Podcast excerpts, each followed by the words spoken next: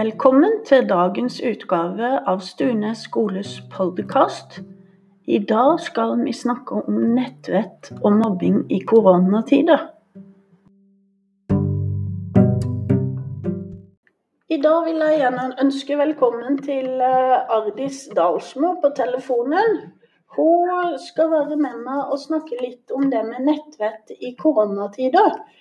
Og så Det er jo sånn, Ardis, at uh, nå for tida så, så, er vi jo mye mindre sammen med andre mennesker. Men vi er, sammen, men vi er sammen på nettet, kanskje enda mer. Eh, og det blir på en annen måte, fordi vi treffes ikke dagen etter vi kanskje har chatta eller meldt hverandre via nettet. Har du noen tanker om det? Jeg tenker at uh,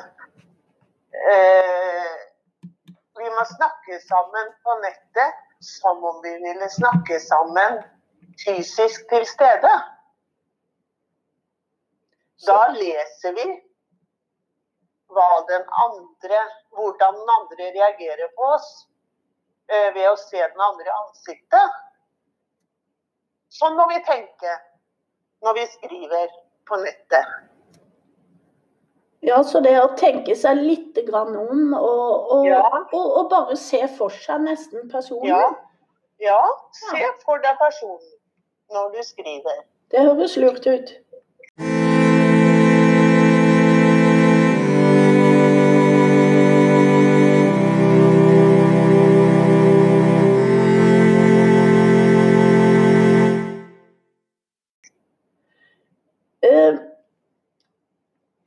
Har du, har du, opplevd noen gang at uh, barn ikke alltid tenker så nøye over hva de skriver til hverandre på nett? De lar ofte sånne irriterte følelser ta over. For at, uh, og så bare lirer de av seg et eller annet. Og hvis det er noen de har lyst til å være litt ekle mot, så er det mye lettere enn ikke det er en person foran da ser det ut at uh, det er mye lettere å skrive litt stygge ting. Eller litt sånn uh, ekle ting som trykker andre ned. Og gjør de det ofte, så blir de mobbet mobbe på nett. Ja, så, så nettvettet handler jo mye om hvordan en er sammen på nettet. Men det handler vel kanskje òg litt om det med hvordan en skal ta vare på seg sjøl på nettet. Det også. Det, er, det blir en annen side. Én ting er å ta vare på andre, en annen ting er å ta vare på seg sjøl. Da må en tenke hvem vet om mitt passord? Hvem eh, snakker jeg med på nettet? Er det folk jeg kjenner som er nære venner? Eller er det fremmede? Vi må ikke dele passord eller adresser med folk vi ikke er trygge på, vi ikke kjenner godt.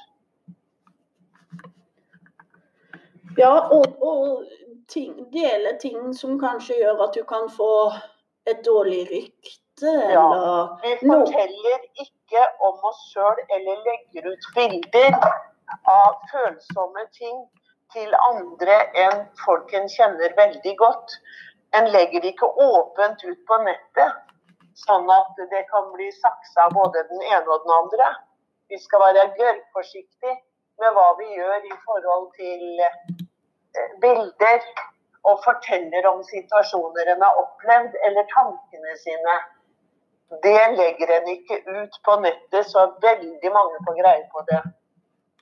Det får heller være eh, en, en begrensa gruppe, eller rett og slett bare til ett menneske. Så det gjelder egentlig litt det samme som når en eh, skal ta vare på andre. At en tenker seg og forestiller seg at en snakker med noen som en eh, En må snakke med de en stoler på. Eh. Om de tinga som litt, kan være litt vanskelig eller såre eller. Bilder av seg sjøl man kanskje tenker litt over. Ja, veldig. En skal være så nøye på hva slags bilder en legger ut. Er det bilder en ønsker å sette på en plakat i skolegården? Men man tenker etter. Veldig mange vil se disse bildene. Vær forsiktig med å legge ut bilder av deg sjøl. På nettet så er det så mange som får greie på ting. Og det kan hackes, og det kan deles videre av andre. Du mister fullstendig styringa.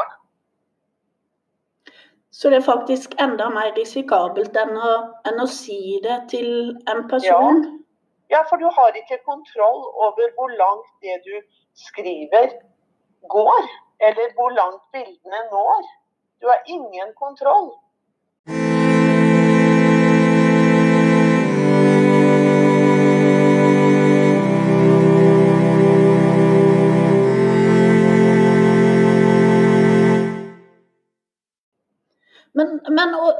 De elevene som vi har hatt, i hvert fall i de senere åra, Ardis, ja, ja. de er jo mange ganger ganske gode til, eh, på det med nettvett. De har til og med undervisning uh, i det. Men de, de, som er på vår alder, også de foreldrene deres ja. og besteforeldrene, de har jo aldri lært om nettvett.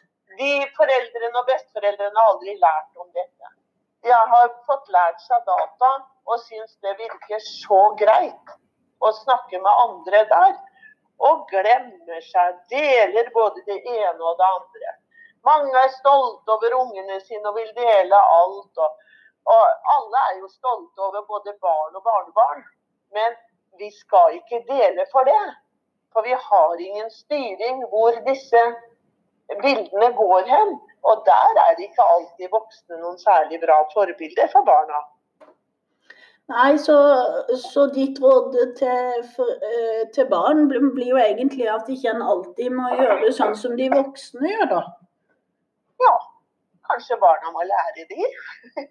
Det er jo helt fint hvis eh, barn kan heller lære foreldrene sine. Jeg har lært av mine barn både Eh, det ene og det andre om både nettvett og, og mobilbruk.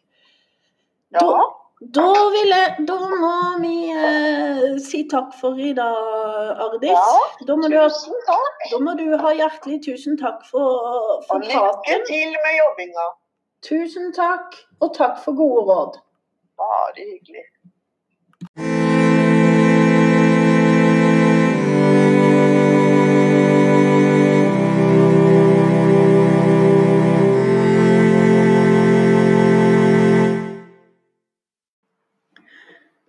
Da har jeg nok en gang fått besøk på kontoret av Erik Songemøller, som er mobbeombud i Agder.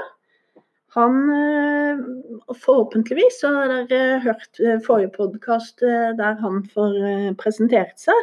I dag så skal han fortelle litt om det med nettvett i koronatida det med nettmobbing, det, det, er jo blitt i økende grad et problem, i hvert fall i takt med, med tida som jeg har opplevd fra jeg var lærer eh, til jeg ble sosiallærer. Eh, og det har jeg vært involvert i som sosiallærer i eh, flere anledninger allerede på Stunes. Eh, så jeg regner med at det av og til dukker opp eh, i din jobb òg, Erik? Eh, ja, det har du helt rett i. Og nettmobbing eh, det er ofte i mine saker en del av bildet. Eh, spesielt fra barn ja, fra tredje-fjerde klasse oppover, så er som regel nettmobbing eller, eller interaksjon, da eh, samhandling på sosiale medier en del av bildet. Og en del av bildet som, som, som berører kanskje eh, hjemmene i større grad enn en det som foregår på skolen. For dette, det her er ofte ting som det er foreldrene som får innsikt i. Og som barna drar med seg på alle arenaer i livet sitt. Så det, de, det, er et sånn typisk eksempel på ting som oppstår i fritiden, som går, ut, som går utover barnets trivsel, og selvfølgelig opp på skolen. Og da er det sånn at uh, skolen må på en måte og da sammen med foreldrene jobbe for å finne gode løsninger.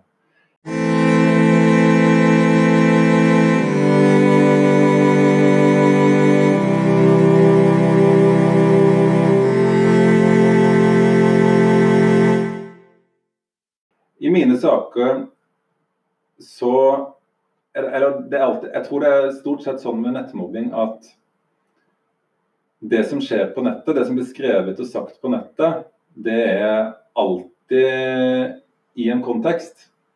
Det er ikke sånn at uh, stygge ting, uh, utestenging på nett, lever i en helt egen isolert uh, arena. Det er alltid sånn at i et miljø der mennesker har behov for å maktgruppere seg og stenge, ekskludere ut noen, så finner man de veiene eh, man kan, som man kan bruke. Eh, og nettet er en godt egnet anledning til Eller det er, det er et godt egnet sted til å, til å, ekskludere andre. Men jeg er veldig opptatt av at eh, dette her er ikke et eh, problem som omhandler apper eller programvare eller spill det er et underliggende miljøproblem. Eh, og hvis man får løst det underliggende, eh, så, så, så, er ikke det en symptom eh, Altså man, man, kan ikke se på symptomene, man må se på miljøproblemene som ligger under.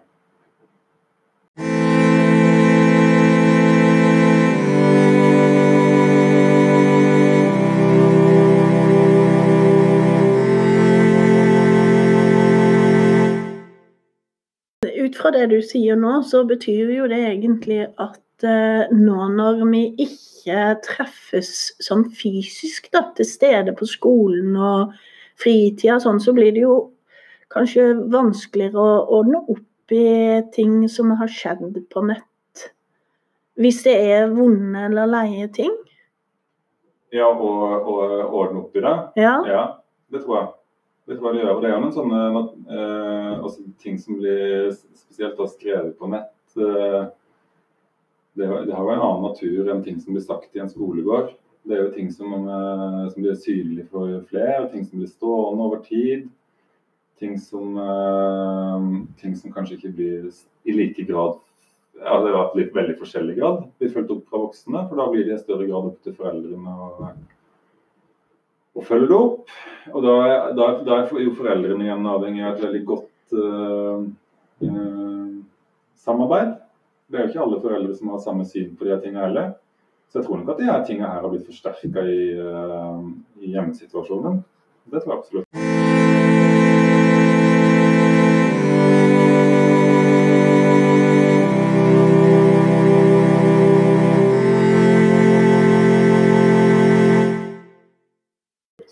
Så nå blir det egentlig veldig viktig for foreldrene å følge med og følge opp og hjelpe barna til både kanskje å bruke nettet på en god måte ja, overfor hverandre? Jeg tror mange foreldre, det vil jeg nesten anta, at mange foreldre har lært mye i løpet av de ukene som har gått. At eh, de har, de har kommet tettere på barna sine. Um, og sett uh, hva dette her uh, kan, kan, gjøre av potensiell skade for noen barn. Så jeg håper jo at foreldregenerasjonen nå har fått et slags uh, kompetanseløft på digital Eller på nettvett, kan man i hvert fall håpe. Mm.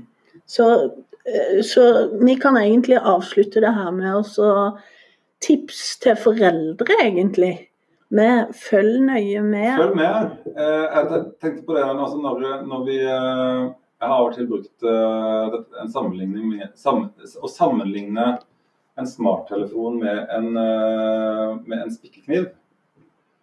Og Det kan man gi til barn når man tror at de er modne for å ta det i bruk. Og for noen så, og det her vil være forskjellig fra barn til barn, men man vil aldri gi en fireåring en spikkekniv og så gå ut og si lykke til med spikkinga. Man vil ha nøye oppfølging helt til man er trygg på at barnet klarer å håndtere det her verktøyet på egen hånd før man slipper det ut av syne. Og Sånn er det med mobiltelefonene. Og Forskjellen er at uh, mobiltelefonen har mye større skadepotensial enn den spikken de har. Tusen hjertelig takk, eh, Erik. Eh, det var et lurt tips. Ja, tusen takk for at jeg fikk lov å komme igjen.